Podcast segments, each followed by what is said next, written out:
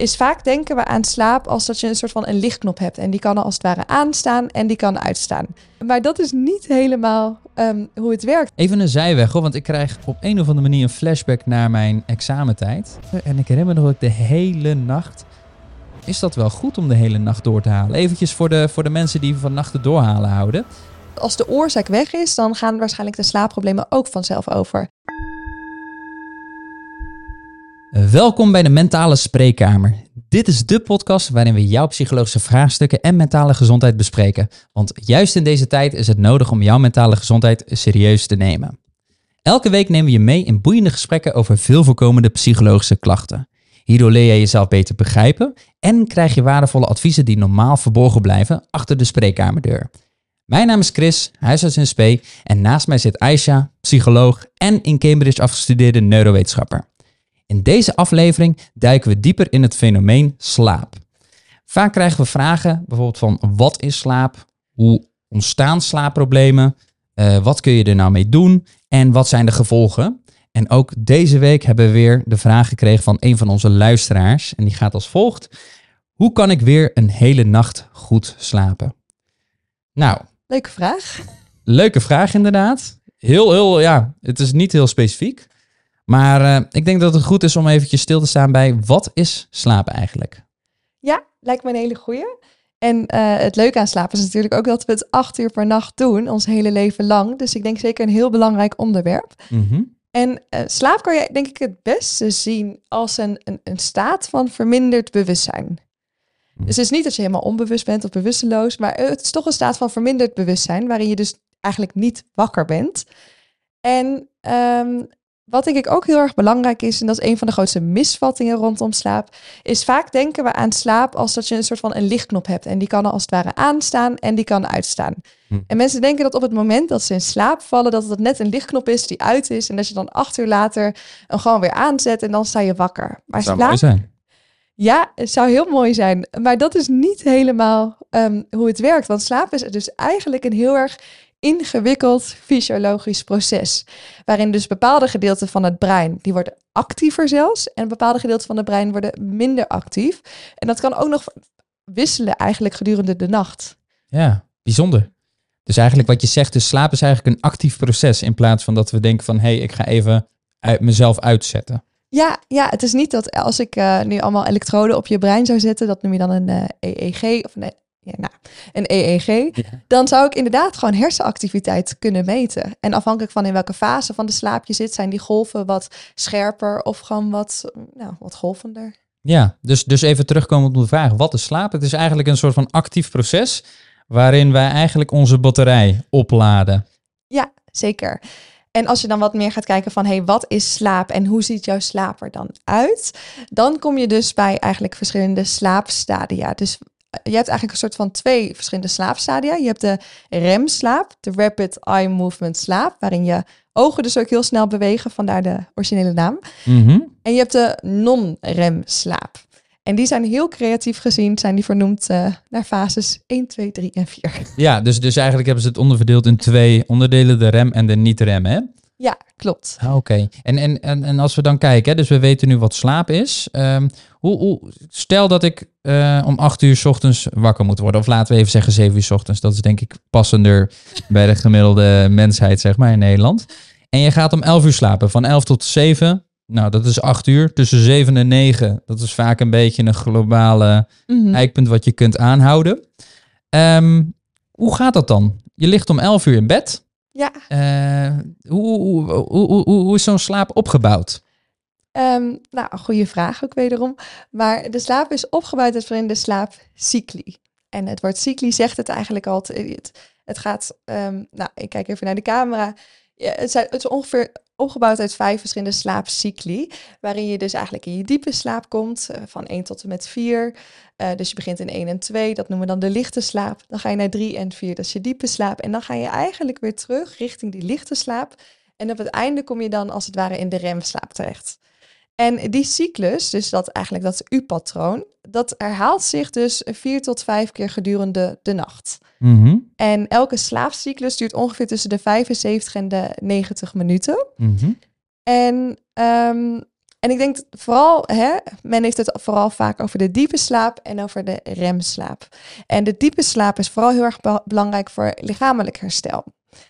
Dus dat is dus dat je cellen zich als het ware repareren, dat je licha- lichamelijk gezien weer oplaadt, dat je potentiële ziekteverwekkers of eh, bacteriën als het ware uitscheidt. En ook echt voor je, hè, elke orgaan in je lichaam om als het ware weer fit te worden. Dus eigenlijk je lichamelijke batterij. En Ja, de zeker. slaap vindt voornamelijk plaats in de eerste vier uur. Dus als we in een voorbeeld kijken van 11 tot en met 3, is ons lichaam eigenlijk bezig met ons lichaam laten herstellen, die batterij daarvan, hè? Ja, Oké. Exact. En dan vanaf 3 tot 7, wat gebeurt er dan? Ehm, nou, dan wordt dus eh, nou, de hoeveelheid remslaap, dus het percentage remslaap, wordt steeds langer en steeds meer. En de remslaap zou je ook kunnen zien als een beetje je mentale batterij. En de remslaap is ook de fase waarin we dromen. En ehm, vaak zien we dus ook dat dat de fase is waarin we dus op emotioneel gezien niveau eh, ook aan het herstellen zijn. Dus dat je hè, misschien eh, bepaalde indrukken die je van de dag hebt opgedaan, die verwerk je.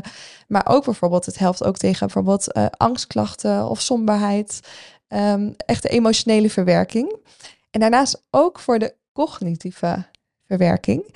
En cognitie is eigenlijk een eh, ingewikkeld Latijns woord, maar dat staat eigenlijk voor ons denkvermogen. Ja. Dus ook bijvoorbeeld het opslaan van alle gebeurtenissen gedurende de dag en de herinneringen daarvan, die worden ook allemaal verwerkt tijdens de remslaap. Ja, Dus dus, dus de eerste helft van de nacht, de eerste vier uur is eigenlijk je lichamelijk herstel. Even heel globaal hoor, want Ja, ik ben... En, en de tweede helft is eigenlijk voor dus je, je emotionele en je cognitieve, dus, je, dus eigenlijk je denksysteem, je brein. Om je brein weer te laten opladen, hè? ja, zo zou je het kunnen zien, grofweg. Ja, ja want, want eh, het is een mooi gezegde natuurlijk. Of ja, ik weet niet of het een gezegde is precies, maar men zegt wel eens, ja, slaap er maar een nachtje over. Ja, En stel dat je dus een partner hebt eh, die, waar je een ruzie mee hebt, ja, dat hoort er gewoon bij in het leven soms. Dan kan het dus echt soms helpen om er gewoon een nachtje over te slapen.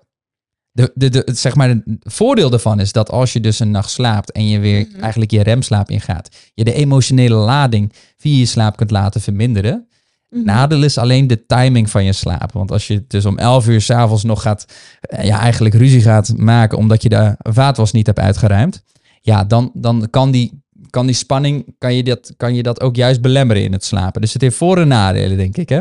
Zeker. Ik denk de uitdrukking inderdaad van slaap er een nachtje over, dat heel veel mensen onder ons dat best wel zullen herkennen. Dat problemen die kunnen ook gewoon een stuk groter en zwaarder aanvoelen s'avonds. Ook omdat je dus, hè, je, je wordt ook gedurende de dag, word je natuurlijk steeds wat vermoeider. En dan wordt je coping eigenlijk ook wat minder. En dan kunnen problemen heel groot en heel zwaar aanvoelen.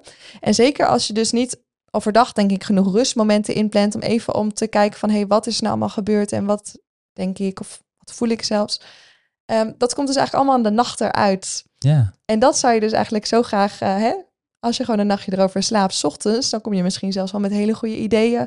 Zeker als je een eh, goed nachtje hebt geslapen. ja, even een zijweg, hoor, want ik krijg op een of andere manier een flashback naar mijn examentijd. Oh, Dus de ja. middelbare school. En ik herinner me nog Latijn. Heb je Latijn gehad? Oh, jij hebt jaar. Grieks gehad, denk ik, hè? Al- ja, allebei een paar jaar. Allebei een paar jaar. Geen Nou, succes. Nou, ik ben dus voor de volle ronde gegaan. Ik, ben, ik heb dus zes jaar lang Latijn gehad en ik heb ook samen afgelegd daarin. Gelukkig ook gehaald.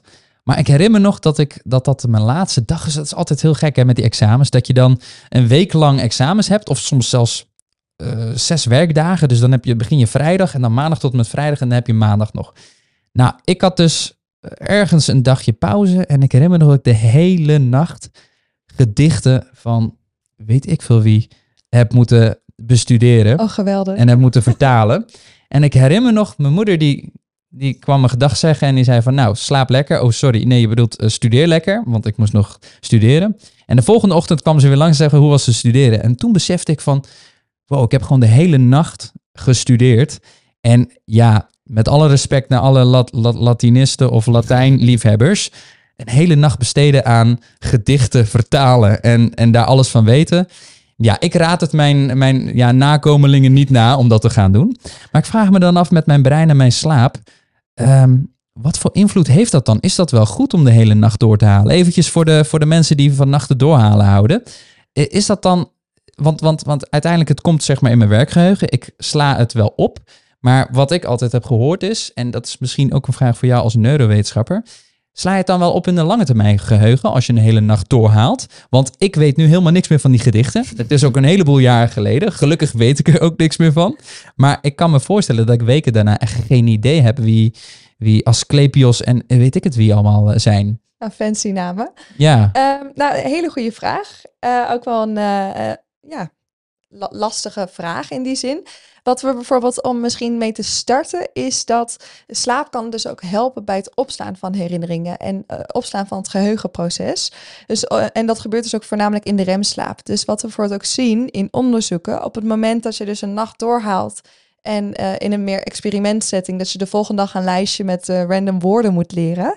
Dan zie je dus eigenlijk dat de mensen die niet geslapen hebben, dat die volgens mij iets in de orde van grootte tussen de 30 en 40 procent minder woorden wisten. Um, daar gaat je dus gedicht. Is misschien wel. Of daar ging mijn gedicht dus. Ja. Dus je zei nog ergens, ik heb het gehaald. Dus misschien had je anders een 10 gehaald. En nu uh, misschien een uh, heel goede 6 waarmee het. Uh, ik denk het wel. Een, een 6 of een 7. Maar dat was echt, echt voldoende voor Latijn hoor. Nou, ja. je had die potentie voor die 10, 100 procent. Ja. Um, dus dat is denk ik wel goed om in je achterhoofd te houden. We hebben dus ook echt slaap nodig om, uh, ja, we noemen dat met een fancy woord, om die herinneringen te consolideren. Soms ook, uh, want normaal, hè, je noemde al even het woord werkgeheugen voor de kijkers thuis en de luisteraars thuis. Het werkgeheugen, op het moment dat we iets meemaken, als allereerst komt het in je werkgeheugen. En nou, dat is in een hersengebied, dat heet dan de hippocampus, vernoemd naar het zeepaardje als uh, Latiniste. Mm. Wist je dat ongetwijfeld? Ongetwijfeld.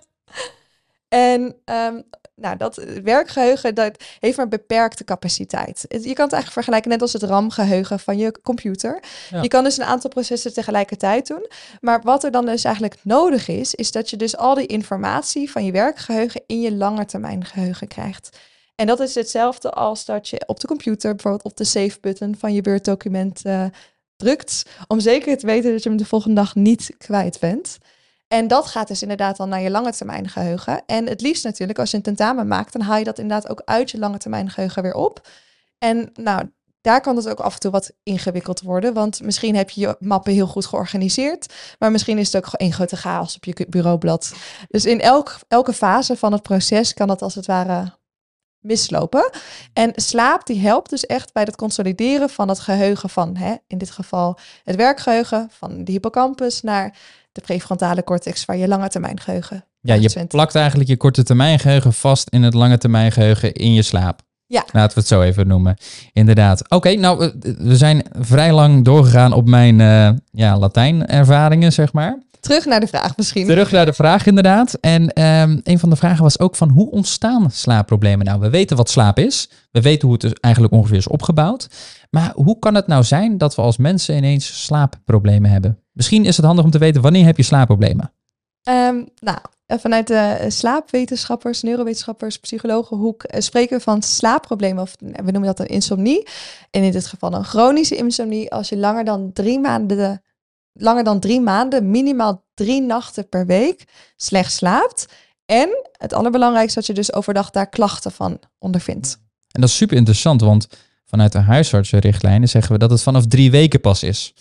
Oh, dus wij piepen eigenlijk eerder dan de psycholoog. Ja. Wij noemen iets al eerder langdurige insomnie of slapeloosheid. Uh, als het bij drie weken al is. En bij jullie bij, pas bij drie maanden. Ja, bij drie, wij spreken echt pas van bij drie maanden. Waarschijnlijk is dat dan ook, denk ik, omdat wij als huisarts dan al kunnen beginnen met kleine interventies. Of met kleine, met, met, met tips bijvoorbeeld geven. Zodat Ja. mensen daar eerder al wat aan kunnen doen. En als het langer dan drie maanden duurt, dan is het vaak eigenlijk zeg maar zit het wat dieper om het even zo te noemen. En dan is het wat voor jullie is het voor jullie ook langdurig. Ik denk dat het daar wel in zit. Ja, waarschijnlijk inderdaad. Dat, uh, Ja. Ja. dat je mensen al vro- vroegtijdig erbij kan zijn. En in de hoop dus denk ik ook dat het dan niet eh, escaleert en erger wordt. Ja, zou hoe, hoe, ontstaan slaapproblemen dan? Nou, wij maken een onderscheid tussen acute slapeloosheid en langdurige slapeloosheid. En wat je dan dus eigenlijk ziet, ehm, nou, iedereen heeft bijvoorbeeld een genetische aanleg om iets beter of iets minder goed te slapen. Dus slaap je slecht, dan is het misschien altijd interessant om even bij je familie te kijken van hey, of je ouders hebben die hun hele leven al slecht slapen. Maar daar verander je niks aan. Dus wij als psycholoog vinden dat niet super interessant. Ehm, in, de, in de praktijksetting dan tenminste. Ehm, daarnaast heb je dus ook acute slapeloosheid. En wij hanteren dan dus minder dan drie maanden. En ik denk dat we dat allemaal wel eens herkennen. Dat je bijvoorbeeld, hè, wat jij net zegt, als jij uh, Latijnse gedichten uit je hoofd moet leren, dan is dat best wel stressvol. En dan is het helemaal niet gek dat je daar een periode wat minder goed van slaapt. Uh, misschien ben je wel mantelzorger of heb je een, een, kind, uh, net een kind gekregen en gaat die aandacht daar naartoe en gaat dat helaas dan ten koste uiteindelijk van je slaap. Misschien als je een nieuwe baan hebt, scheiding, werkeloos. Allerlei settings zijn erin te bedenken waarin de slaap gewoon tijdelijk wat ontregeld is. En dat is ook geheel normaal om even erbij te zetten. Hè? Heel Als normaal. jij ontslagen wordt, dan is het hartstikke normaal dat je een paar nachten niet lekker slaapt. Ja, en, en ook misschien met geluidsoverlast of als je in een bepaalde buurt woont, dan, dan hoort dat er een beetje cru gezegd een beetje bij. Uh, en dan helpt het eigenlijk dus ook om de oorzaak van, uh, als de oorzaak weg is, dan gaan waarschijnlijk de slaapproblemen ook vanzelf over. Ja. Dus inderdaad, heb je een nieuwe baan, ben je een beetje ingewerkt of uh, hè, um, woon je met je, heb je een, zit je in een vechtscheiding op het moment dat de scheiding voorbij is en alles rond is en je hebt je eigen plekje weer, Ja. dan kan je weer gaan opbouwen. Snap ik, ja. En nou, dus dat is meer de oorzaak weghalen. En ik denk dan voor ons, ze- zeker in de praktijk als slaapwetenschapper, maar ook als psycholoog, dan, wij kijken vooral dus naar die chronische slapeloosheid. Want wat je dus vaak ziet, is dat als je dus eh kortdurend ja, slaapproblemen hebt, dat, er, dat het best wel wat met je kan gaan doen. Want je merkt dat je moe bent overdag, je merkt dat je minder energie hebt, je bent minder scherp, minder focus, minder aandacht, minder productief. En daar vind je natuurlijk wat van. En dat wil je niet. Dus wat je vaak gaat zien, zeker als dat wat langer speelt, is dat mensen van alles eigenlijk gaan proberen om maar minder last te hebben van die slapeloosheid. Eigenlijk Controle te proberen krijgen over zo'n slaap, over hun slaap. Precies, Terwijl het eigenlijk een automatisch proces is. exact. Ja, En daar kan het dus soms kan er een kink in de kabel komen. En uh, wat je dus vaak ziet, dus zeker bij de mensen die langer last hebben van slaapproblemen, is dat ze bepaalde uh, dingen hebben aangeleerd die uiteindelijk dus helemaal niet goed helpen. Ik kan eraan denken, is inderdaad hè, uh, niet, een, een, strak ritme hebben, maar ook bijvoorbeeld um, overdag vaak slapen. Of dat je toch wel wat sneller een slaapmutsje grijpt in de vorm van alcohol om toch in slaap te kunnen komen. Dus op het gebied van gedrag zijn er heel veel factoren die kunnen maken dat je minder goed slaapt. Um, maar wat misschien minstens zo belangrijk is, is dat ook vaak je eigen ideeën en opvattingen over slaap, die kunnen dus ook heel erg uh, veranderen. Dus hè, ik moet acht uur slapen, want anders dan uh, voel ik me morgen ellendig. Of hè, je kan best wel catastrofale gedachten hebben over wat het nou met je doet om een nacht niet te slapen. En dat kan soms ook, hè, juist die gedachten over slaap en die opvattingen die je hebt, die kunnen dus ook um, eigenlijk soms de slaapproblemen in de hand helpen, omdat je dan ja. een soort van ja, slaapangst als het ware ontwikkeld. Ja, dus je kan eigenlijk bepaalde handelingen daardoor doen. Dus uh, als je dus slaapproblemen hebt, dat je dan juist gaat bijslapen, overdag nepjes gaat doen, mm-hmm. omdat je zegt van hé, hey, uh, om, dat heb ik nodig. Maar je kan dus ook blijkbaar psychisch of je cognities daarop aanpassen, Zeker. waardoor je zelf een soort van angst eigenlijk aanpraat van hé, hey, ik kan toch weer niet slapen, morgen wordt ellendig en jeetje, ik, uh, dit wordt helemaal niks morgen. Zeker, en het geniepig is dan ook dus dat hè, we hebben allemaal bepaalde ideeën over wat goede en slechte slaap is. En nou, dat kan in meer of in mindere mate kloppen. Maar zeker met die langdurige slaapproblemen kan er zo erg insluipen. En zeker ook met de gedachten erover. Soms dan ben je ook helemaal niet bewust dat dat dan ook een factor is die meespeelt. En dan heb je echt een ander iemand nodig, bijvoorbeeld een psycholoog. Of uh, iemand die daar veel verstand van heeft. Om dat toch wel echt even onder de loep te leggen van... Hey, ja. moet ik daar iets mee? Ja, het is toch wel interessant als je erover nadenkt. Hè? Dus er is een trigger waardoor iemand slecht gaat slapen ik noem het even een loop, gaat slecht ja. slapen.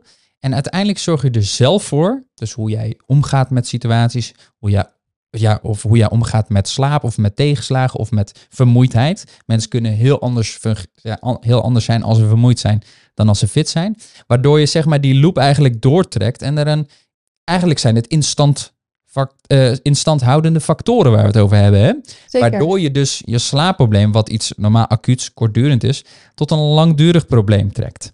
En, en ik denk ook ongetwijfeld dat, dat als je nu thuis zit als luisteraar, dat je denkt van ja, ik heb al maandenlang last van slaapproblemen bijvoorbeeld. Wat is daarin de beste methode om uit die loop te komen? Want die instandhoudende factoren zijn niet factoren die je zeg maar denkt van, oh ja, ja natuurlijk, dat doe ik.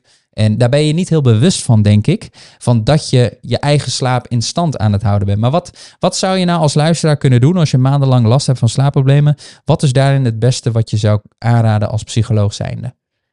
Ehm, ik, denk, eh, ik denk dat je eigenlijk twee vragen stelt van hey, hoe kan je het behandelen en wat kan je thuis doen op het moment dat je misschien nog geen behandeling hebt of niet zo goed weet waar je naartoe wilt. En ehm, nou, er zijn heel veel dingen die hij zelf kan doen. Ik denk de meeste mensen slaapproblemen zullen ongetwijfeld ook op internet zoeken en uh, van slaaphygiëne horen. Dus hè, geen koffie, uh, niet roken, uh, niet te zware maaltijden s'nachts eten. Dus dat zijn echt, um, nou, dat zijn ook allerlei tips die je zeker kan toepassen. Um, maar wat wij ook vaak in de praktijk merken, is dat dat onvoldoende succes geeft. En dat heeft eigenlijk twee redenen. Ten eerste omdat hè, om één klein het is soms heel moeilijk om zelf te weten van hé, hey, waar zit het nou bij mij erin? En soms kan het heel erg helpen om dan een andere persoon te hebben die met je mee gaat kijken en een overzichtje gaat maken. En die gewoon weet van hé, hey, wat is nou een beetje oorzaak en gevolg en waar kunnen we wat mee en wat, waar kunnen we niks mee? Um, dus dat is denk ik heel belangrijk. En vanuit de eh, psychologie, we hebben dan een hele effectieve therapie, cognitieve gedragstherapie. En het mooie van slaapproblemen is dus ook dat het ontzettend goed te behandelen is.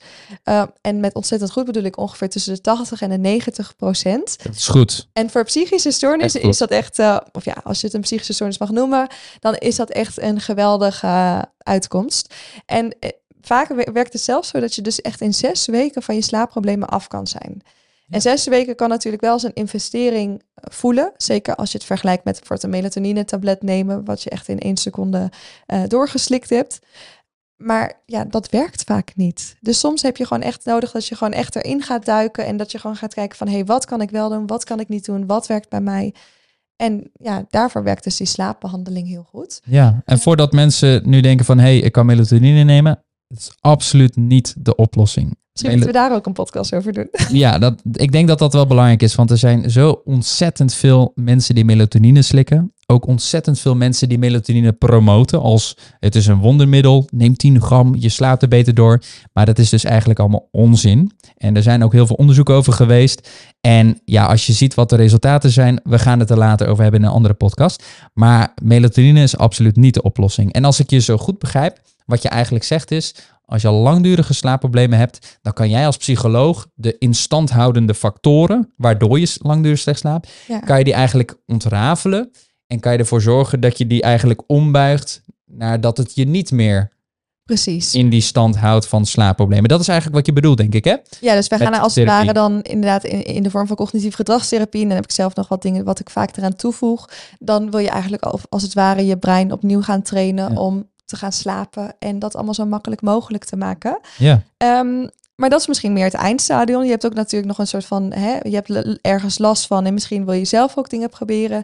Ik denk dat een van de belangrijkste tips is, denk ik, um, een vast ritme. Een vast slaap- en waakritme. Dus je, je, je slaap- en waakritme is een 24 uur ritme. Nou, misschien zelfs 24 uur en 15 minuten.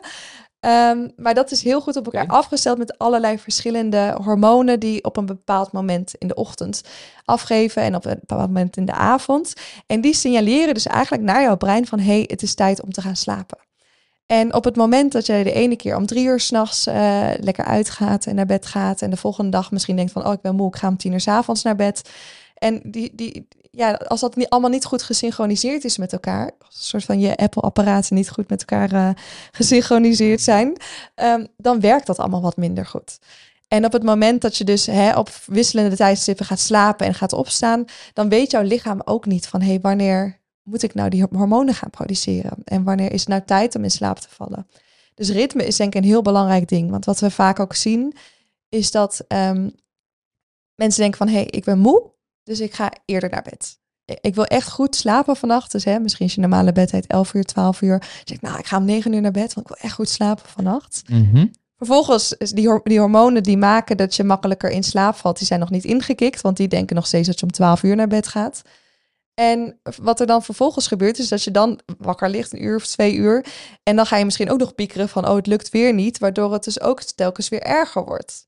Dus zo help je eigenlijk je hele plan een beetje als het ware om de zeep. Ja.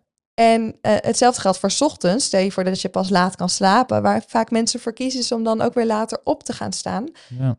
Maar het probleem daarvan is weer dat je niet genoeg slaapdruk opbouwt om in de avond weer moe te zijn. Dus ik denk, uh, nou, een van de beste tips voor thuis, vast ritme, En dat betekent hetzelfde tijdstip naar bed, hetzelfde tijdstip opstaan. En dan mag je echt wel één, anderhalf uur tussen wisselen. En als je sporadisch een keer een verjaardag hebt ook. Maar probeer dat toch wel echt het grootste deel van de week uh, dus ritme staat eigenlijk heel hoog um, in dat geheel. Het is eigenlijk een soort van dans die je hebt, als je het zo bekijkt. Dus jouw gedrag en dans met jouw lichaam. En als je bijvoorbeeld salsa danst, is het niet handig als jij ineens... Je hebt vier tellen bij salsa. 1, 2, 3, 4 en dan ga je weer verder. Mm -hmm. En sommigen zeggen dat het tot 8 kan. Nou, eh, ik ben geen dansexpert, maar ik kan het wel een beetje, dus dat scheelt.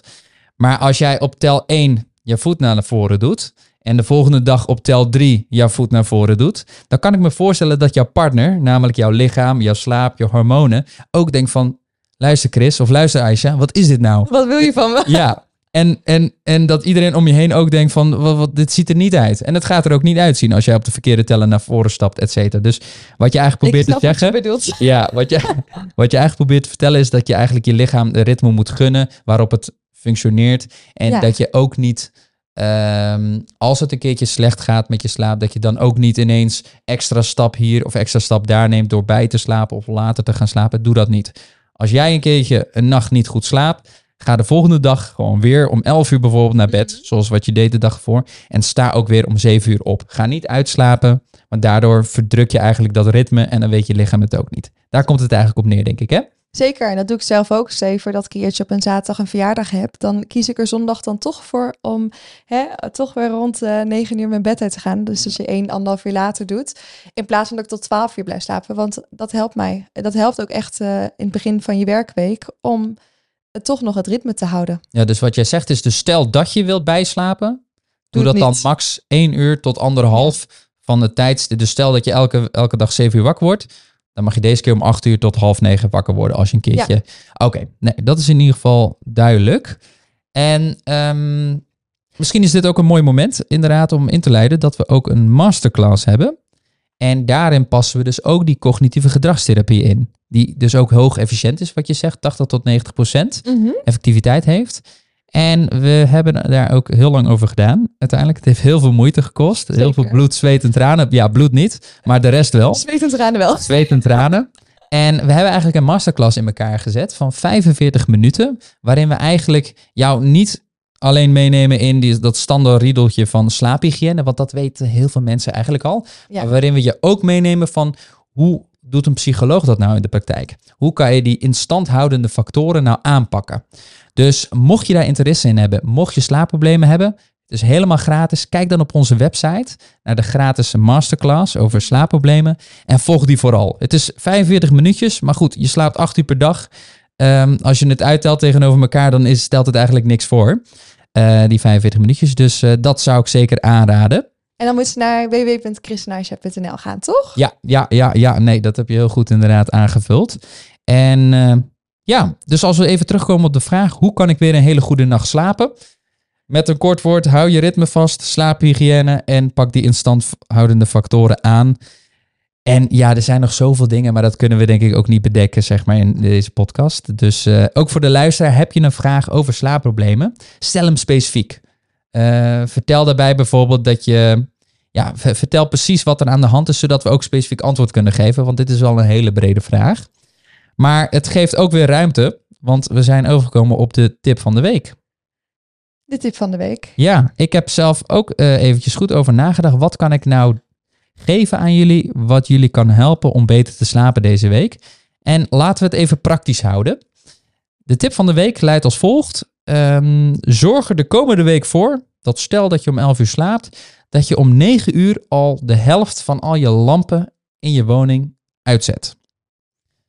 Als je chiquer bent en mooie high-tech lampen hebt, zet al je lamp op 50%.